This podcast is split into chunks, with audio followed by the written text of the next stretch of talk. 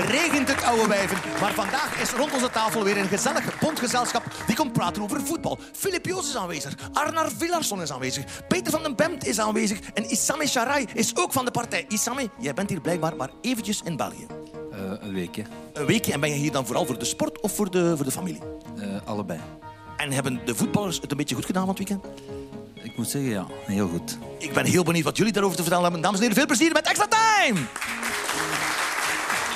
Uh, je suis Mathieu Felice, je suis uh, l'entraîneur principal du Sporting de Charleroi. Bonjour Monsieur Mazou. Cette victoire contre l'Antwerp se révélera le vrai déclic pour votre équipe? Pour cet aspect-là mental, oui. Vous pensez que maintenant Marc Van Bommel saura ce que signifie le fameux Mazou Time? Oh là là. Euh... non, parce que, parce que voilà, malheureusement, ça n'arrive pas euh, à, à, chaque match. Est-ce qu'il y a en Belgique un joueur plus sous-estimé que Marco Ilaima Haritra Non. Combien de fois en semaine vous aviez averti vos joueurs pour le long ballon de Toby Alderweireld? Oh, une dizaine de fois. Ça vous rend fou d'incasser quand même un but de cette façon-là? On va dire euh, que c'est énervant. On a vu Hervé Kofi jouer plus de longs ballons que d'habitude. Vous l'avez exigé ou supplié? Demandé. Demandé, ok, très bon. Vous connaissez le résultat de hier du Schalke? Oui. Qu'est-ce qu'ils ont fait? Battu euh, 3-0. Un jour libre, vous iriez regarder un match du Schalke? Ça pourrait, oui, pour, euh, juste pour euh, revoir Karen. Ce magnifique costume en velours mauve, vous l'avez encore ou est-ce que il a été brûlé dans un rite? Euh, Je l'ai encore parce qu'il n'est pas mauve, il est bleu marine. Savez-vous que Dan Heymans est une véritable vedette de podcast en Flandre? Je ne savais pas. Je savais que c'était une vedette avec les filles, mais je ne savais pas avec les podcasts. Top. Felice Mazzu, gisteren, eergisteren gewonnen van uh, Antwerpen met Charleroi. 3-2 uh, in Mazzu time. Wist jij dat Anderlecht in marineblauw speelde? Of? Uh, nee. Nee. dat is nieuw, hè, ook voor ons. Dat verschil is voor mij ook altijd vrij onduidelijk okay. blauw en paars. Ja, uh, maar gelukkige mens, hè? Ja. Gelukkige je merkt mens. het meteen, bevrijd. Ja. Als je dan nu vergelijkt, hè, zoals je hem nu ziet, Hmm. ook met een paar weken geleden, na die wedstrijd op Union, waar Charleroi door de ondergrens zakte eigenlijk en waar hij zijn volle gewicht in de schaal heeft gegooid. En zijn ploeg weet- niet meer begreep. Nee, nee. Voilà, En, ja. en, en eh, ja, eh, het ook wel werd volop gespeculeerd over, ja, is het nu Mazou? Gaat hij zijn ontslag krijgen bij de volgende, eh, na de volgende wedstrijd of zo? Je kijkt dan nu en je vergelijkt hem met de Mazou die we gezien hebben bij Anderlecht, ja, dan Hmm. is dat ook de perfecte match, denk ik. Aan. Ja, ze kregen allebei rood. eh Matsu en Van Bommel. Wij waren er als de kippen bij. Ongeveer iedereen die naar die wedstrijd keek. Om ook wel de rol van de vierde man, ik ga niet zeggen te verketteren, maar toch wel eh, daar enige vraagtekens bij te plaatsen.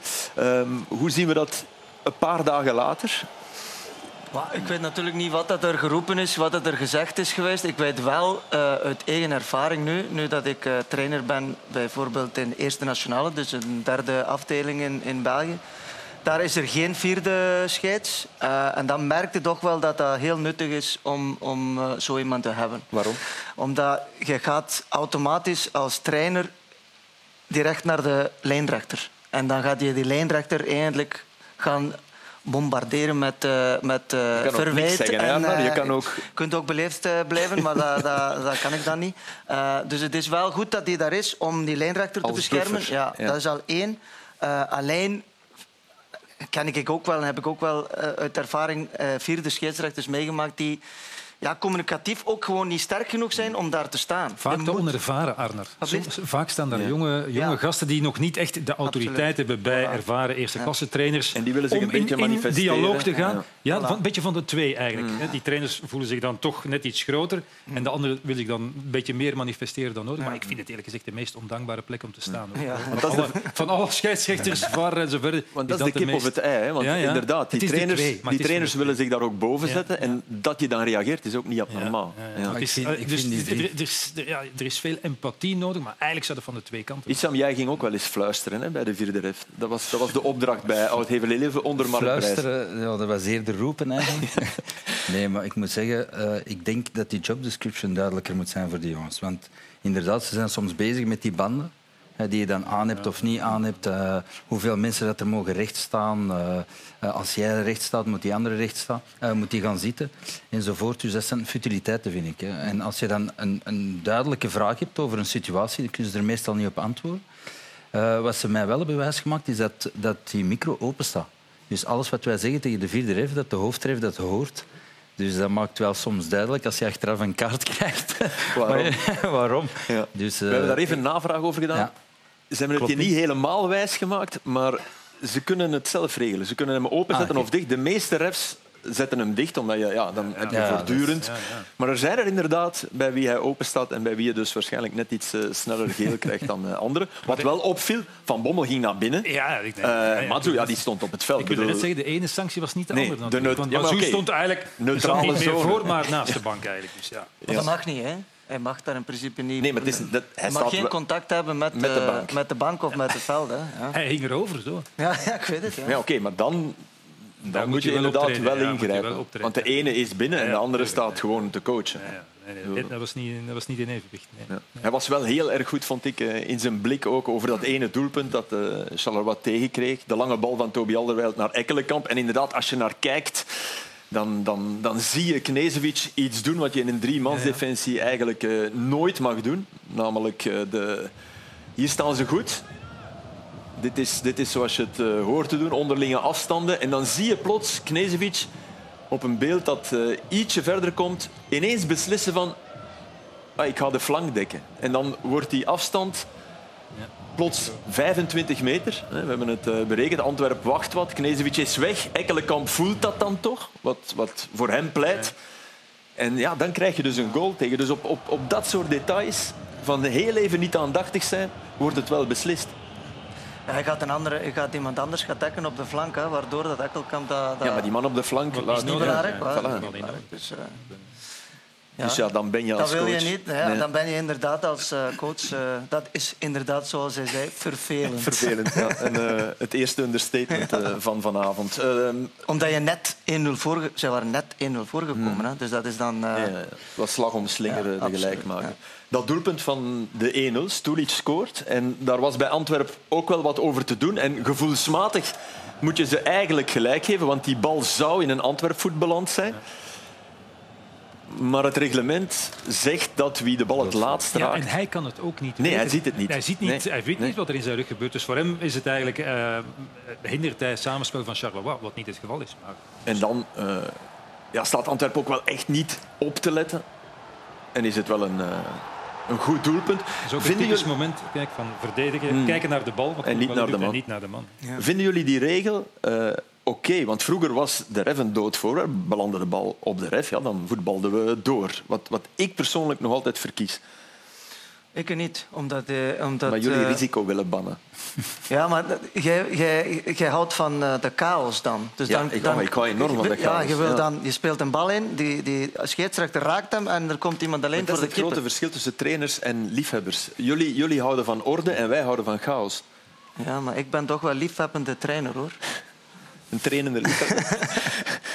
Nee, ik, ik, ik vind het goed. Maar ja, het is... eh, ik, Nee, ik begrijp- zeg het, ik is begrijp, mijn, maar dat is eh, het verschil, denk Omdat, ik, hij- omdat dat duidelijk is. Voor mij is dat duidelijk. Van kijk, hij raakt een bal, dus, dus gewoon... Dus, dan weet je, eh, die, Hmm. maar diegene je- die de laatste bal Maar je neemt er niet alle ergernis mee weg. Hè? Want Antwerp voelt zich hier, en gevoelsmatig begrijp je het. Want staat hij er niet, komt Antwerp in balbezit. Maar ik zou zeggen, het is toch vaker omgekeerd. Dit is nu een, is vaker dit is, dit is nu een voorbeeld van Ja. inderdaad waar het nu verkeerd uitpakt, maar ik denk dat het toch vaker correct wordt, wordt ingeschat. Maar moeten we alle... Maar dat, dat, dat past, Filip, in een streven in het voetbalbestel naar zoveel mogelijk ja, eh, uniformiteit of correctheid, of eh, waar ze niet in slagen, maar, maar dat past daar nu wel in, denk ik. vind ik, ja. Antwerp heeft intussen eh 17 op eh, 33. Club Brugge heeft 16 op 33. In Brugge is het eh, crisis.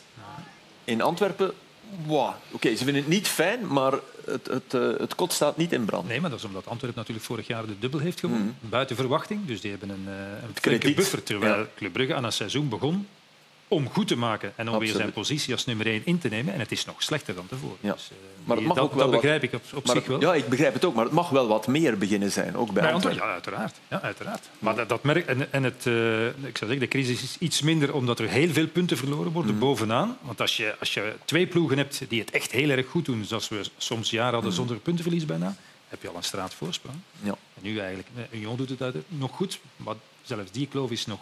Zelfs Vermeeren was, is gewoon niet goed. Dat is zo, ook de eerste keer het Maar dat seizoen. is eh. ook wel ergens wel normaal. Eh, ik vind, Antwerpen heeft ook... Ze, hebben niet echt, ze zijn ook niet echt versterkt. Het is heel veel hetzelfde. Maar als je, Eh, vorig als je jaar... Stengs bij Feyenoord ziet uitblinken Ja. op de tien positie, ja, dan is dat een enorme aderlating Ja, geweest. Ja. Absoluut. Maar het is ook, wat er dan wel bijgekomen is, is de Champions League, is Europees voetbal. En dat is gewoon heel zwaar voor, voor iedereen. Eh, niet alleen voor de spelers, want je moet ook recupereren. De- een, een Champions League-wedstrijd is sneller, is zwaarder, is moeilijker dan een, een wedstrijd in de, in de kampioenschap. En, En kan je opliften mocht je die tegen Shakhtar gewonnen hebben. Ja. Maar als je daar dan ook nog eens de domper krijgt van 2-0 Maar- naar 2-3... Het, eh, het kot staat uiteraard niet in brand, maar ze zijn niet tevreden bij Antwerpen, voor alle duidelijkheid. Hè. Omdat je, ja, hè, Shakhtar was een min- immense ontgoocheling. Hè. Absoluut. Oké, Barcelona, maar ja, nu sta je wel voor twee wedstrijden tegen Porto. Dus je kan, je kan in, in twee weken, hè, je, moet naar Brugge, je speelt tegen Porto. Je hebt toch een verraderlijke bekerwedstrijd nog eh, op het lisp. Dus ja, het is toch, het is toch ook even op de eh, toppen van de tenen lopen hoor, bij Antwerpen. Want voor je het weet zit je toch echt wel eh, onder de ondergrens. Isam, weet jij hoeveel Olympische medailles Marokko heeft?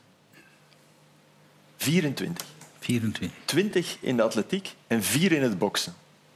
Jij gaat eh, naar de Olympische Spelen als eh, bondscoach van de belofte van Marokko. Dus ja, het, het hele land verwacht eh eremetaal, toch? Eh, zeker omdat we Voel, voel je die druk?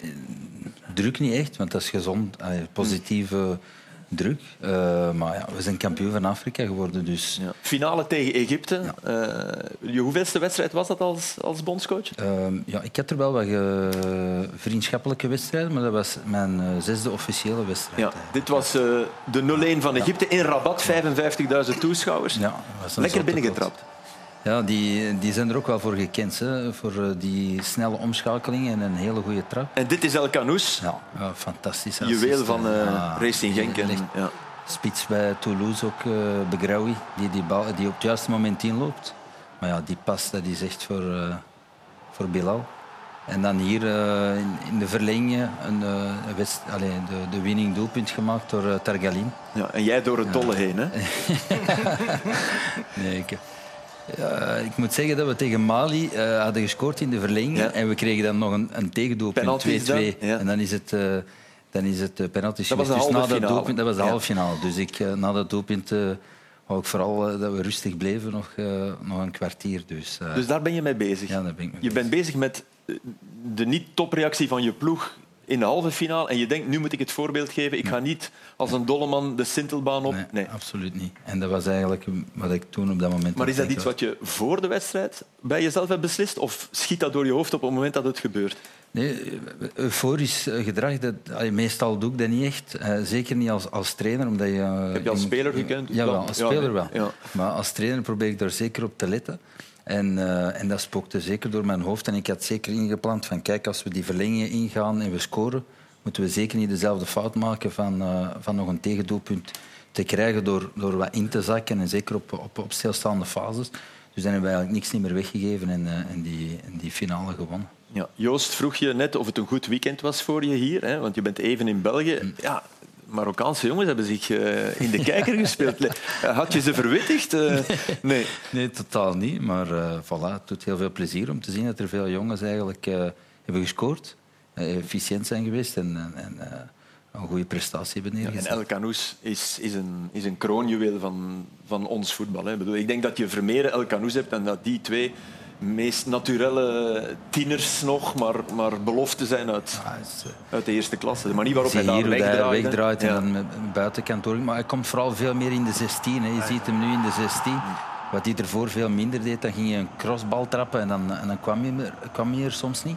Dus dat doet hij nu veel meer. En dan zie je ook dat hij, dat hij heel efficiënt kan zijn. Hij neemt ook alle vrije trappen en corners. Zeer goed. Ja, Meestal. trapt ze eigenlijk echt Ja. heel goed. Want eigenlijk het eh, verdwijnen van Trezor is dankzij hem minder opvallend. Minder opvallend, ja. Absoluut. Omdat hij ook een geweldige trap heeft. Absoluut. En, en, Tresor was eh, de, de vaste eh, vrije trappennemer. Terecht, ja. Hij heeft ook een hele goede vrije trap, maar nu komt hij veel meer eh, aan bod. En dan, ja, deze actie die, die de spits nog wel afpakken.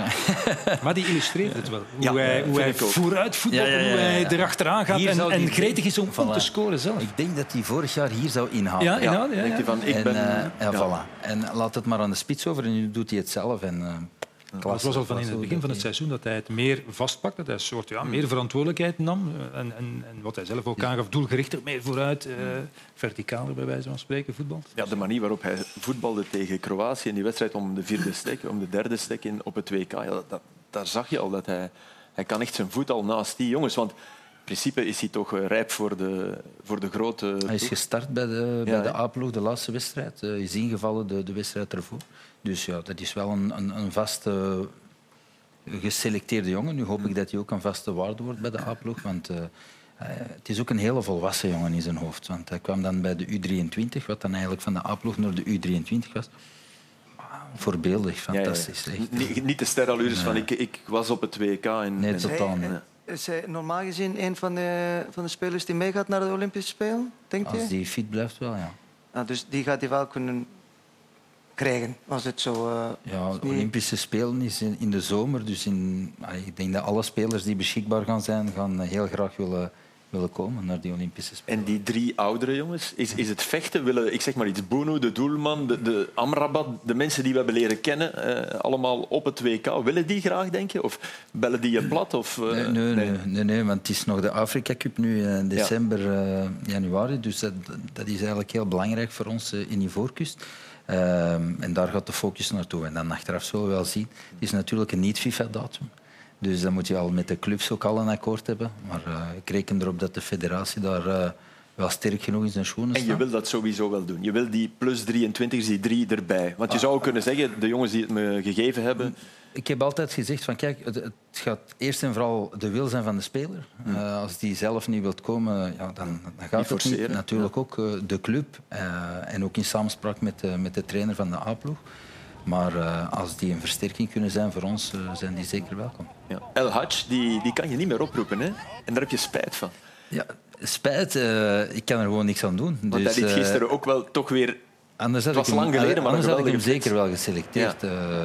Want dat is, allee, ja, dat is een jongen met heel veel kwaliteit, eh, links, rechtsvoetig. Maar hij heeft al voor de Belgische jeugd Ja, gespeeld. ja, dat is de eh, reden. Ja. Hij kan nog wel voor de A-ploeg geselecteerd worden, Ja. dat wel. Eh, En als hij dan voor de A-ploeg, kan hij dan... Nee. Ah, nee, oké. Ene keer, maar je kan ene keer wisselen van Ja. eh, nationaal. Nationaliteit. Maar niet van categorie jeugd naar... Nee, Nee, dat, dat, niet. eh, dat lukt niet Dat meer. ook nee. Het was met zijn linker trouwens, dat zag Ja. je ook wel. Hij moest zijn been een beetje slepen, maar hij gaat er wel eh, Prachtig. hoor. geweldig in. Ja. Hoeveel jongens eh, zijn er ongeveer in, in België dat je moet scouten? Want er, al- er zitten er ook in, in 1B. Hè.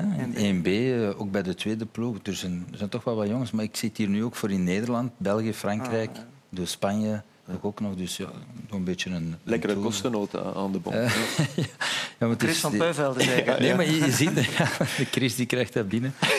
Maar eh, je, ziet, je ziet ook veel meer als je soms in de tribune Ja, zit. Eh, Ja. Ik moet zeggen, ik zat gisteren Next SK Beveren te kijken. Of, ik weet niet of dat nog SK Beveren is Ja. of eh Ja, ja. eh, Waasland Beveren. Ja, maar Waasland, ja. ik was die wedstrijd aan het zien en dan, dan zie je toch ook wel eh, dingen die je, die je op Wisecout bijvoorbeeld niet ziet. Hè. Ja. Eh, de reacties van de jongens. Dingen waar je meer op kan letten ja, ook dan. ja. Eh, er was ook Mendil, eh, die, ja, die ook wel eh, zijn, zijn dag had uitgekozen. Want je was op Leuven, naar je, je oude ploeg gaan kijken. Ja, hij, hij voetbalde Sint-Truiden aan Gort. Ja, was fantastisch. helemaal goed. losgebroken. Ja, dat was fantastisch goed. Juiste momenten opgedoken. Hè? Want ik moet zeggen dat hij eigenlijk veel minder heeft geïnfiltreerd als anders, maar op het juiste moment. En eh, ja, gevaarlijk geweest als je die controle ziet. Dat is eigenlijk in de controle iemand dribbelen. Dat doet hij regelmatig. Hier zie je dat opnieuw. Hop, dat is door de benen. En dan spelen en naar binnen doorlopen, dat is, dat is, dat is eigenlijk zijn, eh, zijn kenmerk. Hè. Ja. Hier was het nog offside. Ja. Maar de manier waarop hij met dat zolenwerk ja, was wel... eh, Fantastisch. En dan doet hij dat nog een derde keer, scoort hij een tweede doelpunt. Hop, inspelen, naar binnen doorlopen. Nog eens inspelen en blijven doorlopen. Want dat is wat dat ze meestal niet doen. En dan uh, het zolenwerk weer ja. en goed binnengetrapt. Uh, hij, is, hij is ouder, hè, dus het zou normaal 2001 moeten zijn, maar dat zou eventueel een van de, van de ouderen kunnen zijn. Kunnen zijn hè. Maar ik ken de jongen, hè. ik ken Hamza heel goed. Dat is een, een fantastische jongen, ook in de kleedkamer. Uh, een superkerel, dus voilà onder een nieuwe coach uit Hevel Leuven, Eddie van Hemel, die overneemt, uh, die jij kent. Uh, heel even, want jij kent Mark Brijs uiteraard supergoed. Is dit de typische eerste wedstrijd na een Mark Brijs-periode? Waarin, waarvan iedereen weet, heel goede trainer, maar tegelijk heel hard uh, die jongens laten werken. En op een bepaald moment breekt dat wel even. Al langer. Hè? Dus al langer en was krijg je... al kort ja. na nieuw een soort breekpunt bereikt. Mm. En die signalen zijn ook uitgestuurd vanuit de kleedkamer. Nog een keer op het einde van het seizoen. En ik zou zeggen, de mensen van Leuven hadden dat ook wel zo begrepen. Zonder daar een waardeoordeel uit te spreken over, eh, over de trainer Mark Prijs. Maar in Leicester beslisten ze anders. En dan inderdaad heb je toch een, soort, eh, een paar andere dingen, eh, een paar aanpassingen gedaan. En ik vond hem vooral uh, zeer respectvol in zijn analyse van, van de wedstrijd. Niet uh, ineens gezegd, we hebben alle andere dingen gedaan. Nee, respectvol tegenover Mark Brijs. Dus chapeau twee keer voor de trainer. Voor de ook naar zijn staf toe. Want hij zei ook, ik, ik heb heel veel hulp gekregen van de, van de staf die daar ook al was onder uh, Brijs. Dus uh, ik heb hem maar één keer gesproken, want ik heb dat tegen de U23 van uh, OHL gespeeld onlangs in Tienen. En eventjes een babbeltje meegedaan en hele fijne mens. Ja, niet gewonnen, hè, toen? Nee. Maar ook niet verloren? onterecht, onterecht gelijkspel. On, onterecht gelijkspel. het onterechte gelijkspel. Tweede eufemisme. Um, we kunnen naar ja, de, de match van het weekend, want dat, want dat werd het. Eh, de Classico werd een, werd een klassieker die we ons toch nog eh, lang zullen heugen. En misschien moeten we dat doen via een, uh, een quote van Karel Hoefkes, die wel iets zegt over de manier waarop hij uh, coach is. J'aime bien que mon équipe est parfois naïve. Tu dois, tu dois parfois être naïf, faire des erreurs. Euh, je m'en fous si c'était 3-0, je m'en fous si c'était 2-0, je m'en fous des choses comme ça. Je veux toujours voir une réaction de l'équipe. Et dans ma tête, si c'était 3-0 pendant mi-temps, on peut gagner ce match avec, avec 4-3. Et ça doit être le sentiment. Okay, er werd heel snel van gemaakt, als het 0-3 was, hadden we nog gewonnen. Dat zegt hij niet echt. Hij, hij, het gaat meer over een filosofie. Een chaos-trainer. Ik wil dat ze fouten maken. Ik, wil, ik wil een soort naïviteit, want dat zat, Standaard begon niet slecht ook aan de wedstrijd. Ah, eerste kwartier. Maar op, de hele eerste helft van Standaard was best oké. Okay. Best oké. Okay. Okay. Voetballend bedoel ik. Ja, aan de bal. Ja, aan de bal. Aan de bal. Het was eh, veel, uh, veel aan te merken. En, en ze hadden een beetje het initiatief. Alleen, we zijn elke keer koud gepakt natuurlijk, door, door, een, door een goed ander. En dan vooral op de flank van de man die later matchwinnaar wordt. Dat is ook het mooie aan voetbal. Een gooi die, die werd bestookt. He, Dreyer, Hazard ook daar heel veel op, want Anderlecht wervelde uh, bepaalde bij momenten. Bij momenten was Anderlecht in de eerste helft heel sterk. Uh, ik denk wel dat, dat Hoefkes daar natuurlijk mee bedoelt dat zijn ploeg jong is. Maar hier zien we van de eerste helft de, het middenveld van Anderlecht. We zien die driehoek hier. Heel dicht op elkaar. Heel veel druk op die bal. Duels winnen. Echt uh, voor de tweede bal gaan. Derde bal. En uiteindelijk komt Rits hier aan, aan de bal. Uh, in, in, rond de middenlijn en speelt hem uh, diep naar uh, Hazard. Met, en met uh, actie en een voorzet wordt het dan 0-1. Dus dat was echt in, in de eerste helft hier ook wel echt uh, ingestudeerd nummerken met een middenvelder die zich naar buiten trekt, waardoor dat standaard geen druk kan zetten. Hier komt uh, Stroeikens aan de bal aan, uh, aan, de, aan de zijlijn en hier is Draaier echt zoals zij vaak doen bij Anderlecht, tussen de centrale verdediger en de, en de, en de bak echt aan de binnenkant gaan staan, wat, dat moeilijk, wat het moeilijk maakt voor de, voor de linksbak. En dan hier, Stroeikens weer al heel sterk op zijn poten, goed in het duel. Foutje van een gooi. Ja, ja. foutje, om, maar eh, ook omdat hij dat duel uh, heel, heel sterk uh, wint. En, uiteindelijk weer al vanuit die tweede bal, de derde bal, de vierde bal en duels winnen, scoren zij uh, uh, een, een, mooie doelpunt eigenlijk hier bij het draaien. Dit is dan ook uh, een beetje later in de eerste helft. En hier ziet hij eindelijk, zien we dat chaos of die, die rotation waar dat die uh, trainer van Anderlecht vaak over spreekt. Je ziet, Leoni staat hier op links, Sardella staat in de spits. waar dat eindelijk Leoni, die toch een centrale middenvelder is, Hazard, die links is begonnen, staat hier op rechts. En dit is eindelijk wat dat Riemer vaak vertelt in interviews, dat hij houdt van die rotaties, dat die, dat die spelers een beetje vrij zijn in, in balbezit. En uiteindelijk, ik denk dat dat dat hier 25, 26 passen waren voordat zij uh, aan een schot kwamen daar in de 16 meter. Dus echt een hele mooie aanval. Uh, goed voetbal, maar dit was de eerste avond. En dat is dan natuurlijk wat dat je niet kunt permitteren. Je kunt je niet permitteren om dan een tweede avond te spelen zoals zij gedaan hebben. Want dat was echt een totaal uh, andere zicht. Ja, we moeten nog één fase uit die eerste helft tonen. De, de 0-3 die uiteindelijk geen 0-3 bleek. Uh, ja, dit moment, de aftrap hè, van Standaard, waarbij ze volledig van slag zijn. Uiteindelijk... Ook weer goed afgewerkt. Rustig, goed binnengeschoven. En wordt het doelpunt afgekeurd wegens Hens van uh, Leoni. Uh, jullie mening daarover? Isam, wat, wat, wat denk jij? Ik zou zeggen aangeschoten. Ik weet niet of dat er nog... Uh, of dat nog bestaat. nog bestaat. Ah, je kent de regels ook niet. Ik ja, ook niet. Dat is... Nee, maar op den duur weet je het niet meer. Hè. Uh, maar die jongen, ik denk niet dat hij dat bewust doet. Hè. Die wil lopen en die krijgt die bal op zijn arm. Nu, wat ik eigenlijk wil zeggen, is, is het druk zetten van, uh, van Anderlecht direct bij de aftrap vind ik iets wat heel goed is, wat we ook proberen te doen omdat je op dat moment, de tegenstander die heeft net een doelpunt gehad, ja. uh, die is nog een beetje aan het uh, bezinnen en dan krijgen ze direct druk. Dus dat vond ik wel een, een, een heel goed punt. Nu, Leoni, Hens of niet, ik zou hem niet gegeven hebben. Nee, ik denk ik ook niet. Uh, nee, ik, ook niet. ik denk eigenlijk niemand aan tafel. Het, een van de regels, er zijn twee regels die, die tussen beiden komen. De de eeuwige regel van het is geen natuurlijke positie, ja, dan, dan moet je elke prof bewegingsleer kan hier uitleggen dat dit een perfect natuurlijke positie is, want je gaat druk zetten, je zit laag, je, je arm... Uiteraard, zeker daar doe je niet op je rug. Hè. Mm -hmm. En de, de, tweede regel is toch van, als je zelf scoort, ja, ja. eender hoe je de bal op de arm krijgt, onvrijwillig, dan uh, wordt het doelpunt afgekeurd. Scoor je niet zelf, maar is het onvrijwillig, ja, ja dan laten we doorspelen. Dus de argumenten lijken... Ja, zij, zij beweren dus dat dit ja, bewust, bewust de bal, handspel. de bal uh, met de arm spelen is, wat het duidelijk niet is. Want Nee. ze zeggen onnatuurlijke positie, zeggen zij. Terwijl dit ja, Ja, natuurlijk een... want dat is het grappige. Ze durven ook niet echt zeggen, ja, dit is bewust, want dat voelen ze ergens zelf ook wel. Dat durven ze niet zeggen, maar ze zeggen wel onnatuurlijke positie. Ja, Dus je moet eens proberen je evenwicht te zoeken met die Ja. handen op de rug. Die, enfin, Ja. Natuurlijker dan dit kan hebben je ja dat is, eh, Lardo, heeft. Lardo heeft dit eh, wel knap dat ze kwamen trouwens. Hè. Straks zien we hem bij, bij een andere fase ook, ook de uitleg geven.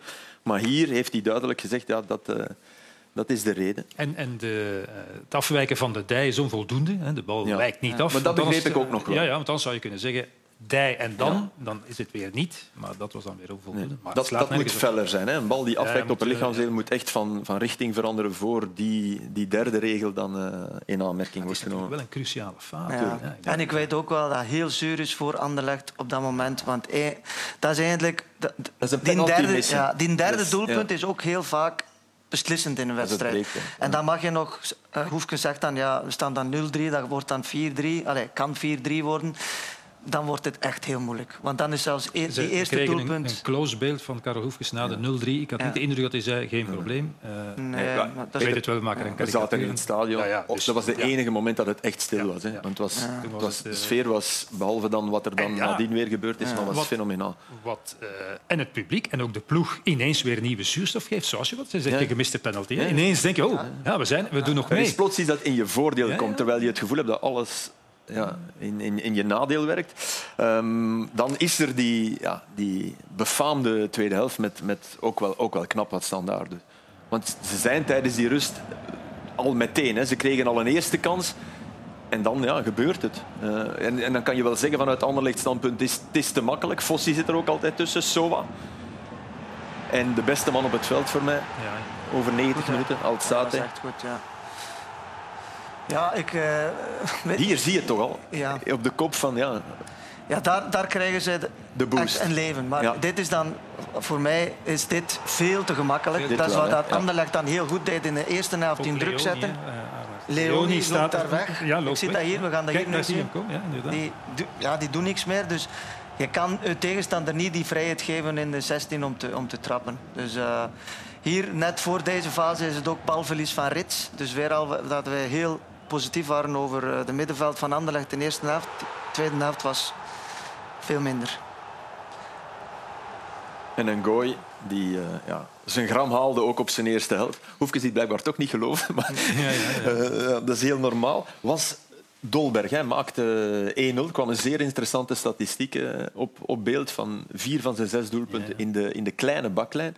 is hij genoeg aanwezig? Is hij ook een spits of heeft, begint hij toch hier ook te zijn wat, wat hij de laatste vijf jaar als probleem had? Een mooi weerspits. Als je goed speelt, is hij goed.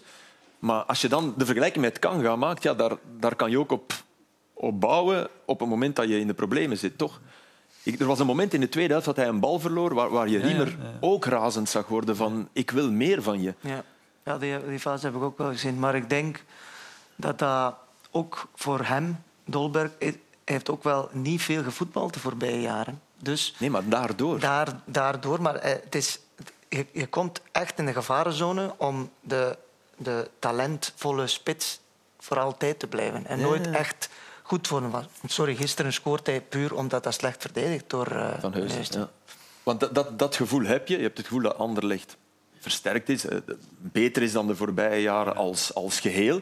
Maar ik heb wel het gevoel, zet daar een Metja of Zirkzee, ja, dat is op dit moment echt sterker dan wat Dolberg brengt. Of zijn we te streng? Nee, ik ben, daar, ik ben, daar, ik vind, ik, daarmee, ben, ik ben daarmee akkoord. Want ik denk ook wel dat Dolberg zal ook...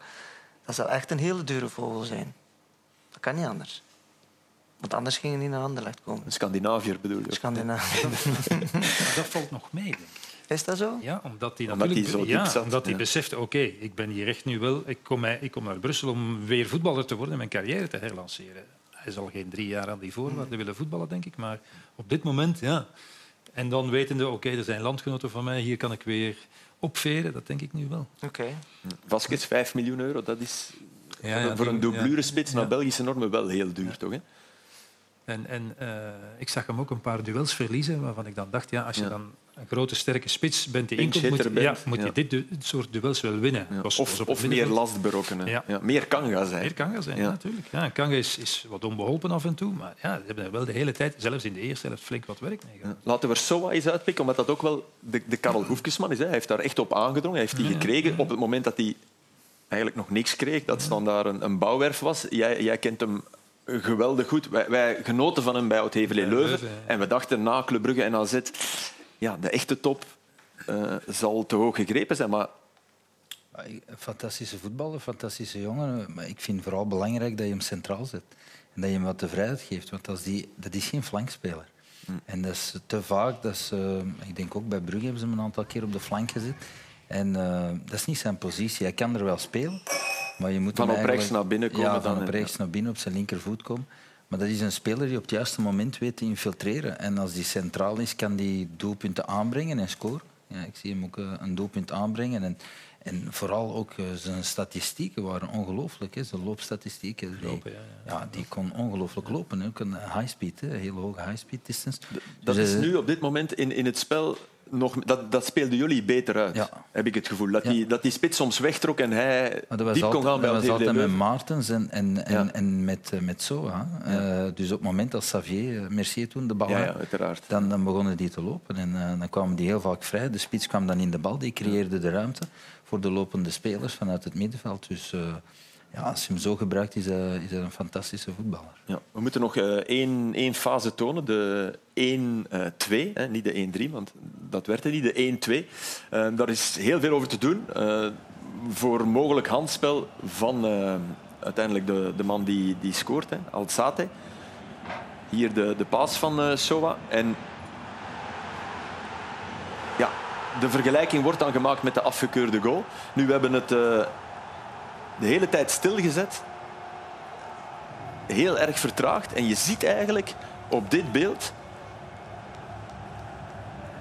dat de bal de hand niet raakt. Nee, ik denk het ook niet. Maar ja, als het ook, uh, zelfs als het zijn hand raakt en je kunt dat, als wij dat niet kunnen zien. Nee, nee maar als hij, dat is wel de regel. Mocht hij de hand geraakt hebben, ook al kan hij er niks aan doen, want hij kan er niks aan doen voor alle duidelijkheid, dan moet je het wel afkeuren. Hè? Maar waar zou hij de hand raken? Nee, maar dat bedoel ik. Als wij het nu ook niet kunnen zien, dan kunnen de scheidsrechter of... of, of Tenzij met zijn, rechter, met zijn rechter elleboog hier. Dat is de enige ding waar ik nog aan... Maar daar zit ook de hand van de Bast voor. Swat is...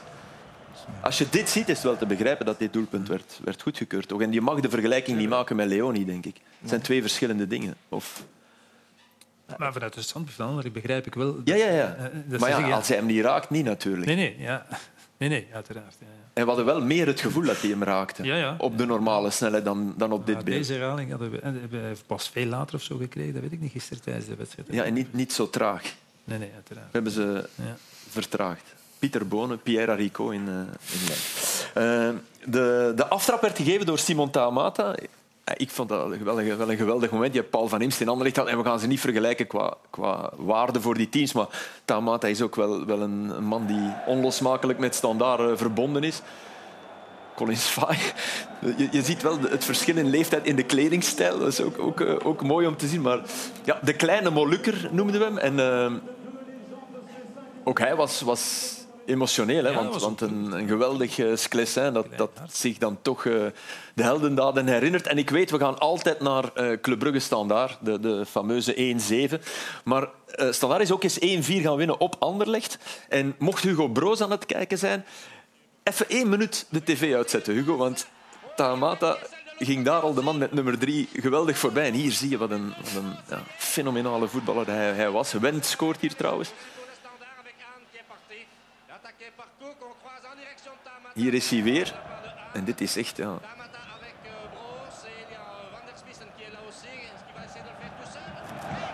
Redelijk eh, klasse. Dat is uh, Cruyff-achtig, hè? Kappen. En dan eh, links binnenjagen voorbij Jackie Munaro. Maar jij kent hem, eh, Arnar? Wat kennen? Simon Tamata is misschien de, is, niet misschien, is de persoon waar dat ik voor de eerste keer in mijn leven echt starstruck van werd. Ik was 13 jaar en ik ben naar België gekomen voor een voetbalschool. Eh, een IJslandse voetbalschool eigenlijk. En, eh, In België. in België, in Lokeren. Eh, zo ben ik eigenlijk oorspronkelijk in contact gekomen met, met En jullie België. werden geronseld of hoe ging dat? eh? Nee, dat, gewoon, je kon je inschrijven voor een, eh, voor een voetbalschool, voor een stage. En dat is een eh, IJslander, Christian Berburg, die dat al sinds de jaren 90 organiseert hij die school. En dat is nog altijd... dit, is, ja. dit is de geweldige Dit foto Ja, dit is een foto uit van, eh, 1991. ja, absoluut. Vanuit de spelersom van Sporting Lokeren in het Daknaamstadion. Ah, En daar, ja. Simon Tamata was dus een, een trainer op die stage. Ik En- het nu goed dat jij een trofee in jou? Ik, ja. hè? Ja. Ja, ik was eh, zoals altijd. eh, ik vond toch, toch altijd dat ik de, beste was. Je hebt ergens... Maar ik was meestal de enige die dat vond. Ah, dankjewel, dat is. Maar eh, nee, en, en eh, zoals je zei, hij, hij gaf trainingen. En dat was de eerste keer dat ik... Ik, ik was 13 jaar en je, ik zag iemand dingen doen met, de, met een bal dat ik nog nooit niet gezien had. In echt. En, en dat is natuurlijk voor de tijd van eh, die, de Zidane-bewegingen of, of eh, Neymar en al die, of Mbappé Ja, ja, of zo. En geen video's die je Nee, honderd en- keer kon ja, bekijken. En ik zeg, dat was de eerste keer in mijn leven dat ik echt starstruck was. Ik stond daar naar te kijken op die trainingen en ik dacht van... Wauw. En niet omwille van de naam, maar omdat je hem zag. Nee, omdat... Ja, en, en pas dan... Hij, hij voetbalde toen bij eh Germinal Ekeren, denk ik. En vanaf die dag werd ik eh, instant eh, Simon Tamata fan. En zocht ik ook video's op van hem en, eh, en, en, en dat soort dingen. Dus, Ik moest even denken aan hem bij RWDM, de, de Braziliaan Riquelme, geweldige naam ook, die, die inviel en die... Ja, als je hem dan zag lopen op het veld, dit, dit is echt de Tamata-hoogte, denk ik. Hij is 1,60 meter. En dat, dat, dat valt toch enorm 60. op bij, bij die grote gay die daar ook tussen loopt. Eh Adelaide is ook groot. En, dat was wel een goede actie. maar echt eh, straf. Meter 60 en, eh in profvoetbal, dat is wel... eh, Dan moet je kunnen voetballen. toch? Absoluut. Ja. Dat, eh, Maar we gaan hem nog niet gaan vergelijken met Simon Nee, Tamata. nee. Na die actie, Maar de, de, de, gewoon puur qua, Nee, qua eh, lengte. nee. Nee, nee, nee, nooit, nooit waarschijnlijk, maar oké. Eh, nog, één, nog één fase eh, van Heuzen die, die toch een, on- een ongelukkige wedstrijd kent. Eigenlijk net als eh, de Bast. Ja, dit moment in de tweede helft, het is ja, zeer riskant om dat daar te doen, om, om daar op die manier te verdedigen. Toch? Niet naar de bal kijken. Het is gewoon een straf. Ja, het is penalty. Het is gewoon slecht verdedigd. Het is slecht verdedigd, maar het was niet, voor mij niet alleen de Bast gisteren. Eh, dat zijn jonge, talentvolle voetballers. Maar hetzelfde met de Bast. Die, die, hun verdedigend werk is, is nog niet goed genoeg. Dit is niet goed genoeg voor, eh, voor de top. Echt, als we het, en we hebben het over Rode Duivels. Hè. Daar, eh, dat is niet... eh, ik denk dat ja, dit is de actie van, eh, Tinepo, waar dat eh, hier ook, kijk, hij, hij, hij laat hem eigenlijk naar binnen. Ja, voilà. Je mag... Dit is niet, dit dat, is gewoon. dat vooral, vooral niet doen. Ja, ja. Ja, nee. kan dat je gedribbeld wordt Hij door Zinnepop, maar hij moet naar buiten. Hij, moet naar zijn hem linker. duwen naar Ja. buiten, hij moet hem duwen naar zijn linker, hij moet hem duwen naar zijn sterke kant. En dat doet hij hier ook. Hij, begint wel goed, maar hij, hij, gaat veel te ver naar achter. Hij blijft naar achter lopen en hij is, te laat. Daarom kan hij trappen. Je moet die lijn uithalen naar die tweede spits. Hier moet hij die, die lijn uithalen naar Kanga. En nu naar voren beginnen lopen, want die, kan niet meer, die, die bal kan niet meer gespeeld worden. Maar dit is, dit is wel iets dat... eh, ik vrees dat dit ook wel in de jeugdopleiding Niet aan bod komt. niet aan bod komt. Omdat het meer en meer voetballen Ja, wordt op alle posities allemaal op het eh, veld. eh, opbouwen, opbouwen, opbouwen. En, en eh, we vergeten soms dat we ook wel Dat moeten is wat, verdedigen. eh, wat Riemer ook aangegeven heeft in een interview in het laatste nieuws. Dus met de Bast-compagnie heeft daar ongelooflijk veel tijd in gestoken om hem te leren voetballen. Kan geweldig eh, uitvoetballen. Maar het andere, daar is nog, is nog werk aan. Het puur verdedigen, hè, wat jij, wat jij aanhaalt. Trouwens, overigens, eh Lardo, eh, die was het eigenlijk met jullie eens, de ref, want die zei dit over die bewuste fase tussen Van Heusden en Dolberg. Donc quand le ballon est centré, je me rends compte que Casper Dolberg est au sol. Donc j'informe le VAR euh, que le joueur est au sol et qu'il faut bien entendu vérifier cette, cette phase que je n'ai pas vue. Euh, le VAR a vérifié cette phase et estimait qu'il n'y avait pas d'intervention nécessaire. Moi j'ai revu bien entendu les images et en toute honnêteté, j'aurais préféré que le VAR m'appelle à l'écran pour un missed incident, donc c'est-à-dire un, un- un événement que je n'ai pas vu et que je n'ai pas pu juger sur le terrain.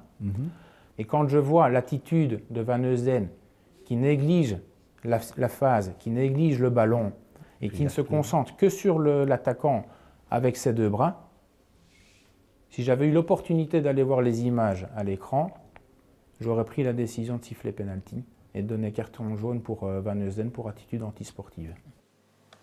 Totale openheid. Het is ook een gemakkelijke vorm van openheid, vind ik. hè, Want eh, hij heeft gelijk, hij heeft het niet kunnen zien. Als hij Vind heeft- vind je dat hij de VAR onder de bus gooit? Ah ja, uiteraard. Maar te- terecht. terecht Ja, in deze want als hij ja. komt, willen we toch dat hij- dat hij de terecht, waarheid terecht. Maar ik wil vertelt. zeggen, het is natuurlijk gemakkelijk om dit toe te geven. hè. Dan om een Eh, eigen we hebben hem fout ook, toe te geven. We hebben hem ook gezien. Eh, we kunnen het nu niet tonen met zijn uitleg over het handspel van Hmm. Leoni. Ja, oké, dat is ook een uitleg, maar goed, die slaat dan toch niks. Want daar moet hij natuurlijk zichzelf rechtvaardigen. Ja, en ook de VAR, want die heeft hem geroepen. Want hij had eerst wel de beslissing min of meer genomen. Nee, hij had meteen al gezegd, er is mogelijk, het. ja, er Ja, is mogelijk handspel, had hij gezegd. Dus ja, dit is... Maar hij heeft gelijk. Maar het is natuurlijk wel eh, gemakkelijker om, dat, om het op Denk je deze dat manier dit, te dat dit, ja, dit, dit toont wel ergens hoe...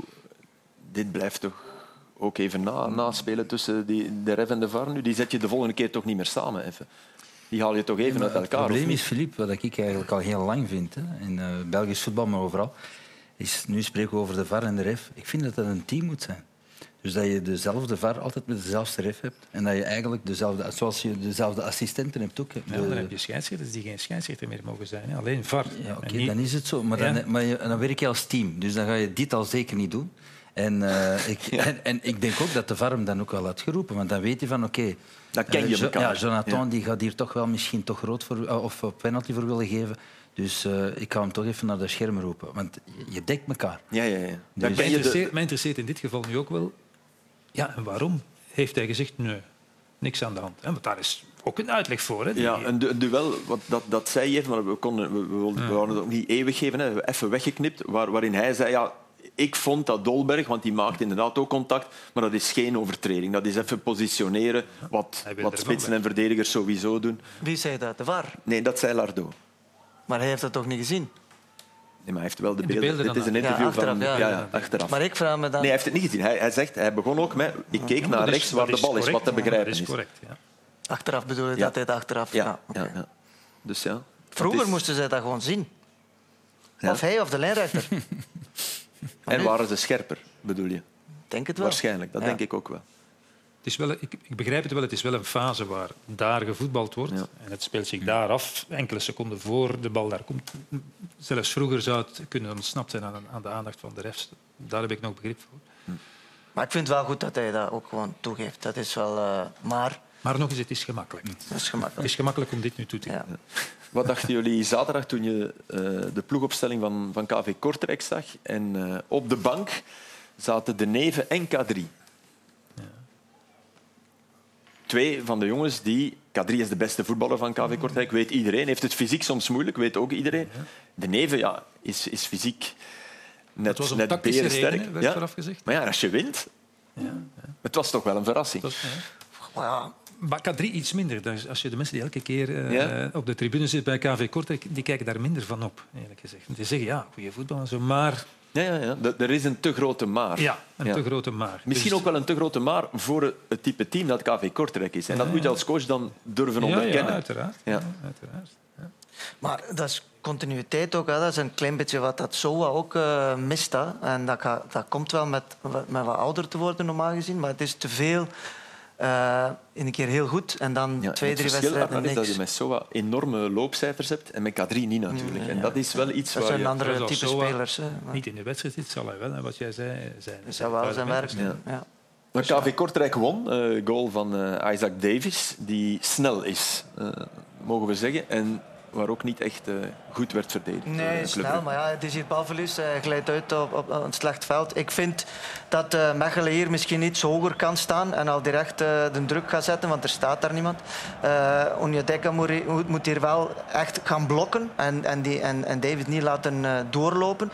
En de derde fout voor mij is, eh is Piler hier, die, die deze lijn eigenlijk moet dekken. De lijn tussen de bal en eh, het doel. Waarom? Omdat er geen andere spits in, eh, in de buurt is. Eh, Ja, maar hij kijkt naar een andere spits die er niet is. Nee, maar hij Ja, kijkt over zijn schouders en hij, Ja. ziet, hij ziet van, kijk, er is hier niemand. Hij moet eigenlijk iets eerder over zijn schouder kijken. want Dan kan hij iets eerder aanzetten om die, om die stippenlijn daar eigenlijk te gaan, gaan, eh, naar, naar die te gaan toelopen. Of dicht, die ruimte gaat dichtlopen.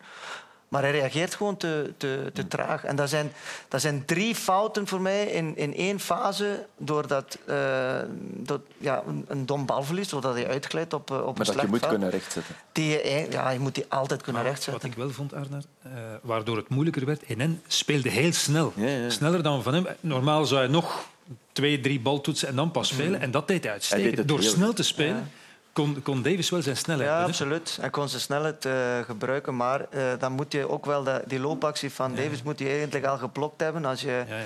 een sluwe eh, middenvelder bent, dan gaat hij gewoon in, in, zijn, in zijn looplijn gaan staan en dan, dan breekt hij zijn loop. En dan, dan kan hij ook niet op snelheid komen. Dus, eh, Conclusie, bottomline. Club Brugge verliest van een ploeg waarvan je geen enkele speler zou willen wisselen.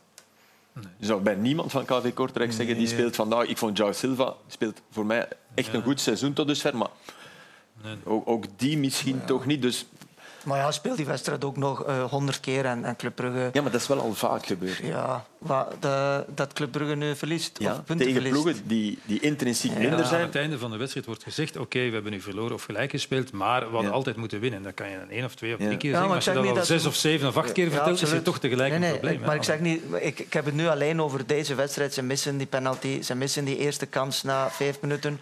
Eh, alleen vind ik inderdaad dat Club Brugge op dit moment die, die, zijn, die creëren ook niet genoeg kansen. Nee, maar is de kwaliteit, want hè, we, we zeggen altijd ze, zijn, ze, zijn, ze hebben een van de beste kernen van België, maar is de kwaliteit ook goed genoeg? Je ziet, dit, zijn een aantal fases waarbij je toch Zo- ziet Maar zo hebben we heel veel gezien. simpele passes. En oké, je, je kan altijd zeuren op het veld op KV Kortrijk, maar kijk, dit ook. Ik vind, Nusa is een geweldige speler, maar de Kuiper blesseert zich hier bijna. Hè. Dat zijn ballen, dat gaat over voelen toch, over techniek, of, of er met je hoofd bij zijn. Ja, in, de laatste, in de laatste 20 meter was het gewoon heel, en, en veel slechte voorzetten, te laag, eh, slechte eh, vrije trappen en corners.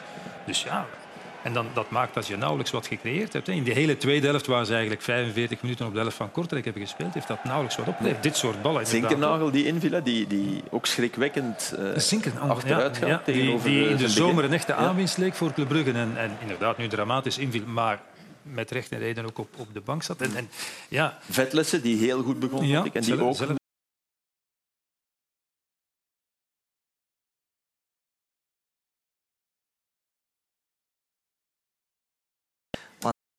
uiteraard goed verdedigen.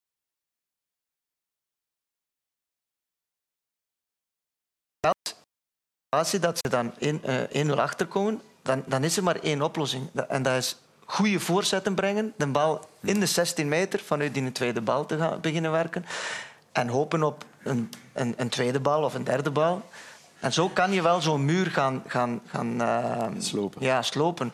Maar dat hebben ze ook niet gedaan. Ze, ze hebben ook heel veel balbezit gehad, maar heel veel breed en rond die blok. En nooit die... die eh, ja, die, Juiste eh, ja, die, juiste, die, ja. die, die belangrijke zone, de 16 meter, echt gaan aanvallen. Dat hebben ze niet gedaan. En dat is niet, dat is niet de eerste keer. Dus dat missen ze wel. Plus, ja, al die fases, dat is kwaliteit. Hè. Dat is ook focus. Dat is, Focus misschien nog eerder dan kwaliteit. Want moet, Maar wat het elftal van Ronnie Deila zou moeten uitstralen, wat eigenlijk focus, rond, ja. rond die periode van, van eh, de, de kwalificatie tegen Osasuna wel het geval was, was, ja, was drive en goesting Mm. en grinta en vuur en passie. Ja, ik vind het een beetje een, een, een, eh, lijzig elftal op Mm. dit moment. Waar, en, en ik vind niet dat je kan zeggen, ze lopen niet of ze doen hun best Nee, nee, nee. niet. Of, Cijfers zullen oké zijn. ja, dat Maar denk het ik is wel. Eerder, hè, dat denk, ik. Maar ja, geen overtuiging, geen, geen geloof. Ik weet het. Het is, het is, eh, Issam, je bent heel lang assistent geweest van, van Mark Brijs. Hoe vaak heb je zijn jas gedragen? Nee, nog nooit. Nog nooit. Nee, want kijk, bij, bij KV Kortrijk kwam eh Glenn de Boek, eh, de redder van het Kortrijkse vaderland op dit moment. Die kwam de tweede helft weer het veld op en kijk, de man rechts is zijn assistent en die heeft de jas mee. Dat is, de definitie in het woordenboek is denk ik slippendrager, maar het is wel opvallend als beeld. Ja, zeer vreemd. Wat ik vooral jammer vond in, eh, in de analyse van Glenn de Boek achteraf, eh, was dat hij ook de opmerking maakte, en dat is het verschil met de, de man die Leuven heeft overgepakt, over ja, dat was een groot fysiek probleem en dat hebben we nu weggewerkt. Dus op ja, een kleine twee weken kan je dus een groot fysiek probleem wegwerken. Dus, enfin, ik ben zelf geen specialist, maar dat, elke fysiek trainer zal je toch zeggen, als je inderdaad wat zo ongeveer elke trainer zegt die overneemt. Ja, fysiek was er een probleem. Als je dat op twee weken kan wegwerken, ja, Kan je dat, groep- dat programma dat zou ik wel eens willen zien. kan je je groep scherp krijgen. Ja, dat- dat was zeker het geval. En dat Ja, was was zeker. Al vond ik. Kortrijk bijvoorbeeld tegen Anderlecht ook scherp. Ook scherp, natuurlijk wel. Dus ook- maar je zag wel is- de manier waarop ze uh, tackelden op Noosa en zo. Het was stond wel een ploeg. En er zat een plan achter. Ja, ja. Hij, heeft, hij, heeft, hij heeft op korte termijn, want ook op Westerlo waren ze absoluut eigenlijk de betere ploeg. Verdienen ze niet te verliezen. Zeker niet te Dus verliezen. nee, nee. Zijn er, zijn er wel goede dingen gebeurd. Maar dat van die jas is, is iets raars, toch? Misschien ook om die rode trui van het Kortrijkgevoel, want dat was ook geen toeval, hè, toch? En ook dat was wat Brugge. Je komt dan naar Kortrijk, je weet dat, hoe je daar ontvangen wordt, hè, samen met, met de wedstrijden tegen Zulte Waregem, de wedstrijden van het jaar, daar ben je dan toch op een of andere manier niet klaar voor. En ik denk dat dat toch een teleurstelling is. Ook vanaf, van, het, van het bestuur tegenover Ronnie Deila, want dat is toch ja, waarvoor hij ook werd gehaald. Omdat, eh, want vorig jaar was het allemaal een beetje eh, te relax, eh, te veel eilandjes en zo. En ja, dat is, dat is Maar loopt de wel- beste spits in, eh, in Brugge? Loopt hij niet gewoon bij Cercle te voetballen, denk ik? Is ook dat niet. Hè? Je hebt, je hebt een, Ja, een half gebuisde en een Thiago die ja, op dit moment, Nee, zeker nee. in het spel, niet goed genoeg is. Als je dan dit ziet, wat denk jij gisteren doet, dit is eh, een wereldactie. Hè? Een balletje door de benen. Zeer fijn paasje toch, Issan? Ja, en ik denk dat hij het tweede doelpunt ook maakt op die, op die lange bal. Ja, dit is wel de natte droom van de coach, denk Ja. ik. eh. Ene pas en Ja. goal. Dat is, ja, dan, eh, dat is fantastisch. Maar ik zeg het, wat dat Cirkel vooral doet, is, eh, is niet gelijk spelen. En het de ploeg is die niet heeft gelijk gespeeld Ja. dit seizoen. Zes keer dus gewonnen, vijf keer Of winnen of verliezen. En in een driepuntensysteem gaat dat vrij snel. En als je ziet bij Brugge heb je vijf gelijke spelen, als ik mij niet vergis. Dus dat is toch wel... ja, dan schuift je niet snel op. Ja. Ja, dan Eh, komt op een slecht moment die sportieve crisis bij Club Brugge. Ja. Want ja, je, hebt, je, hebt, je hebt eigenlijk op twee sporen zijn er nu ja, problemen tussen aanleidingstekens of, of onrust. Want ja, we weten het allemaal, Club Brugge zit in een soort verkoopproces. Hè, dat is volop aan de gang. maar daar is het stil over. Maar de verwachting is toch, goed, je weet nooit hoe dat Mhm. loopt, dat het voor kerstmis eh, zou kunnen afgerond worden. En dan komt Club Brugge, ja, wellicht eh, in, in buitenlands, misschien Amerikaanse handen. En ja, dat zorgt toch voor, ja, eh, ik zeg niet dat dat de reden is waarom het sportief minder draait, maar dat zorgt ook voor ja, een soort onzekerheid, onzekerheid binnen de club. En natuurlijk ook, ook dat is geen, geen geheim, ja, de problemen tussen Bart Verhagen en Vincent Manhart, die een jaar of tien een geweldige tandem hebben gevormd maar uit elkaar zijn gegroeid. En ook dat is, hoeft op zich niet zo erg te zijn. Maar je, zit, je zit daar nu op dit moment wel natuurlijk. Je hebt toch af en, toe, eh, af en toe wat incidenten tussen die twee. Zoals in Brugge wordt verteld, er was Vincent Manhart had een geweldige deal afgesloten rond Noosa. Kon naar Chelsea voor meer dan 30 miljoen nog geweldige bonussen. En hij mocht nog een jaar blijven. En ja, Brugge wordt, Bart Verhaag heeft dat geweigerd. Wat natuurlijk eh, niet zo prettig is voor, voor Vincent Mannert. Het valt mij ook op. Hij gaat ook niet meer kijken naar de wedstrijden. Hij was daar niet, Op eh, verplaatsing. Ja, dat is, maar het was vorig jaar ook al wel, Ah, eh, wel een keer zo. En kan je zeggen, ik vind dat toch opmerkelijk van de man die de, de sportieve verantwoordelijkheid eh, draagt. En daar, je hoeft niet, Nee. je het is niet dat hij zijn werk niet doet omdat Nee, hij nee, niet op de wedstrijd Dat is. denk ik ook. Maar het is toch vreemd.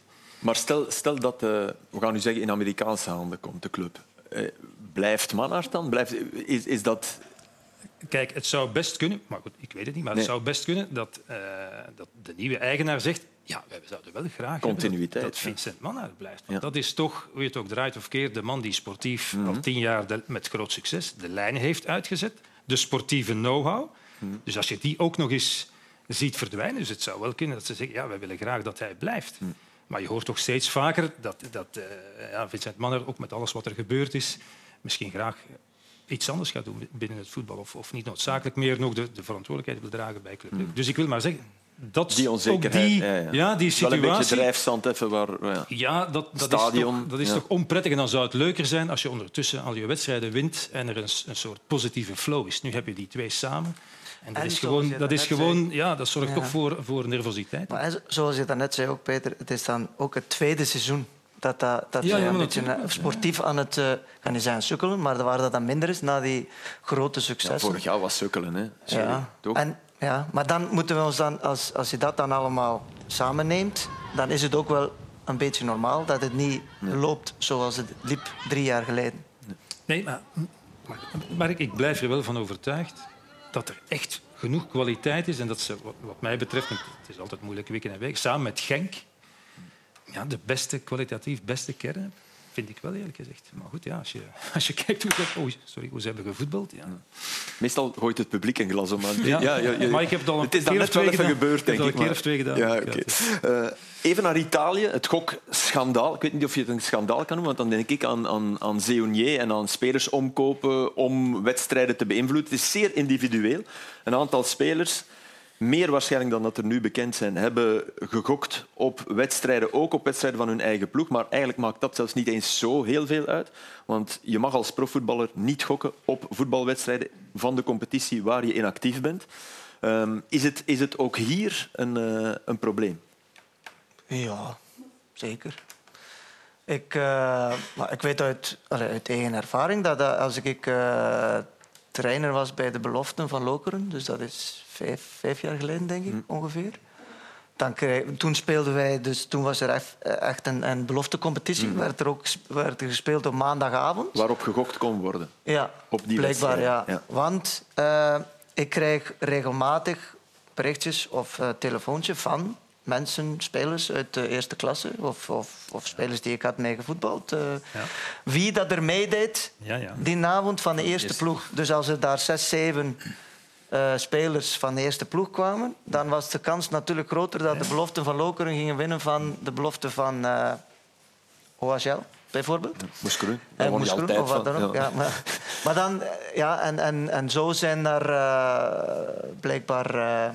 ja, dan ben je eigenlijk. Maar ik wist niet dat dat. Op dat, ik zeg het, dat is vijf jaar geleden, toen was dat niet echt zo. Ook niet echt mee bezig, maar dit is dus. eh, Isam, klinkt het je bekend in de oren? Want je, je bent ook assistent geweest. Je hebt ook... Nee, dit niet, maar wel... Ik hoorde dat wel van hoeveel mensen gaan er eh, van de eerste ploeg afzakken. En dan gingen ze wel zo wat speculeren, maar niet echt om te vragen van, eh, van op wedstrijden te gokken. Dus dat had wel gekund. Maar ik herinner me als ik eh, nog bij Lierse zat, waren er echt nog spelers die zo briefjes hadden, die, eh, die de wedstrijden aan het volgen waren. eh, ook op teletext. Uit de eigen competitie ook. Ja, uit de eigen competitie. Dus dat was niet iets wat... Het is wel echt- goed dat je uit teletext zegt. Dan is het denk ik verjaard. ja, nee, maar wat, wat, ik wel contradictorisch vind, zijn al die sponsors die je dan hebt. Hè. Bet en Win. Je bent eigenlijk een eh. wandelend reclamebord voor de sites waar je zelf niet... Maar oké, het staat in je contract. Het is ook wel om, om de eerlijkheid van de competitie te garanderen. Je bent met jonge jongens bezig bij Agent. Als zoiets in Italië gebeurt, je ziet Tonali, verkocht voor 70 miljoen euro naar Newcastle, zal nu een jaar niet mogen voetballen waarschijnlijk. Tof voor die Engelsen ook. Hij werd trouwens toegejuicht eh, toen hij aan het opwarmen was in, in Newcastle tegen Crystal Palace. Heb je, spreek je daarover met die jongens? Van, gasten, let op, want het mag niet. nee, ik heb dat nog tot, tot nu toe niet. Ik zal, omdat jij dat vraagt, zal ik dat wel doen. Nee, nee, maar vind je het niet... Nee, maar het, het- het is een deel van eh, de opleiding aan het worden. Allee, geworden. Social media is, is het net hetzelfde. Dus dat is, een, dat is een deel van onze opleiding. Of dat dan nu eh, eh, in België is of, of in het buitenland. Wij moeten onze spelers op een totaal andere manier ook gaan klaarmaken voor de buitenwereld eigenlijk. Want je kan nu, in, als ik eh 15, 16, 19 jaar was, ja, dat, dat was ook allemaal geen probleem om een pint te gaan drinken in een café of wat dan ook. Want je werd je wel gespot door een paar mensen. Maar dat, het kon nooit wat verder gaan. Waarom? Er werden geen foto's van Er zijn geen bubbels nee, meer. er zijn bent- bubbels meer. en dat is natuurlijk hetgene... eh, ja, dat gokken is, is, is echt een, eh, een, een hele belangrijke issue. Want dat is ook niet, het is niet alleen maar dat dat illegaal is om te gokken op jouw, op jouw competitie. Of jouw, maar het is ook gewoon een... een eh, want ik ken ook wel, en ik heb ook wel goede vrienden die ik mee gevoetbald heb, die daar ook gewoon problemen van eh, mee gekregen het is hebben. een ziektebeeld Het is een Het is een ziektebeeld, ja, verslaving, absoluut. heel het kan een Het is de verslaving leegte worden. Ja. ja, willen opvullen Ja. met... Hè, bedoel, ze doen het niet. Ja, je- Tonali je- doet het niet voor de centen. Hè. Nee, nee, dat is, dat is voor de kick. Ja. Dat is vrij duidelijk. En Fagioli ook niet. Die heeft zelfs 3 miljoen verloren. Hè. 3 miljoen. Dus, ja. Maar ik pleit al jaren voor eh, totaal verbod op gokreclame in de sport. Hè? Omdat, ja, eh, maar goed, ik word dan eh, aangesproken door mensen uit het, uit het voetbal. Want ja, dat is een zeer belangrijke Tuurlijk. en belangrijke sponsor. Ze zeggen, ja, kijk, als we... Hè, want de reclame die wordt gemaakt is voor de legale kantoren, die, die het correct organiseren natuurlijk. Ja, als we dat doen, dan, dan verdwijnen ze. Dan gaan ze, circuit is zo op te zetten, Dan gaan ze op zoek naar het illegale circuit. Ik vind het een drogreden. Kan niet. maar ik zeg altijd, ja, wel, je- zoals je tabaksreclame verbiedt en wat je zegt. En er zullen er zijn, zoals er mensen zijn die, on- die zonder problemen af en toe een keer een joint kunnen roken en geen problemen hebben, kan het voor anderen een onschuldige joint wel het begin zijn van een, van een zware drugsverslaving. Alleen weet je dat op voorhand niet. Dus zeg ik, nee, geen reclame. op, Nee, en eh, zeker in Italië heb je, heb je de, het illegale circuit bestaat gewoon, eh, miljarden omzet en daar zit de maffia achter. Hè. Ik bedoel, dat, is, dat, is, heel erg duidelijk. En als speler kom je dan ook met loesje figuren. Maar ik heb rapporten gelezen, en ze zijn van een paar jaar geleden, over, in Engeland. Ja, Dat gaat over kinderen van, van 12, 13 jaar die, die geld lenen in een soort milieu terechtkomen. Dus daarover gaat het ook. Het gaat niet alleen over verslaafde profvoetballers, maar ook over jonge kinderen. Marc Gouillou, sinds gisteren eh, een, een fantastisch verhaal. Issam, Ik bedoel, eh, 17 jaar, invallen bij Barcelona. En zijn tweede balcontact was doelpunt, want met zijn eerste legde hij de bal goed. Ja. voilà. Inderdaad, ja. Dat is, eh, Schitterend van João Felix. ook- het was ook nodig, hè, 80ste Ja. minuut. eh.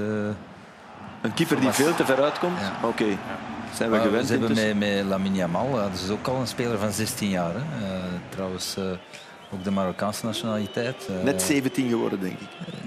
Dat zou kunnen, Ja. dat hij net 17, maar die is nog iets jonger als, eh, als hem. Dus eh, ja, ze lanceren die, die, die, de jeugd en ze geven ze kansen. Dus, eh, Hoe goed is die João Felix geworden? Oh, eindelijk is zit hij waar hij... Ja. het is Die was metamorfose. ongelooflijk. En en bij Chelsea heel even ook al. En dan weer de dieperik in. En nu zit... Daaraan zie je wat een, de juiste ploeg voor een, voor een type speler kan doen. De Atletico die heeft, die heeft vier jaar gewoon weggegooid hè, van, van zijn voetballeven. Ja, het breekpunt was echt tegen Club Brugge. hè. Dus ze waren de hele Ja. tweede helft in de Champions League. juist. Waarom liep Ja. de hele tweede helft? Ja. En gewoon mocht gaan zitten. En nadien heeft hij de telefoon gepakt en zijn makelaar gezegd, ja, oké. Nu is het gedaan. En hij is naar Chelsea gegaan. Ja. zeker. Ja. Ja, ja. Waar het eigenlijk ook Ja, ja. in het begin even goed en daarna minder. Het schijnt dat we nu volgen met de ideale wereld, maar ik vond Grenbergen een klein beetje ideale wereld. Ja? Oké.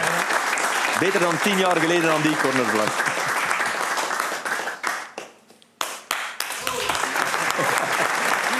Slecht einde, joh. Slecht einde.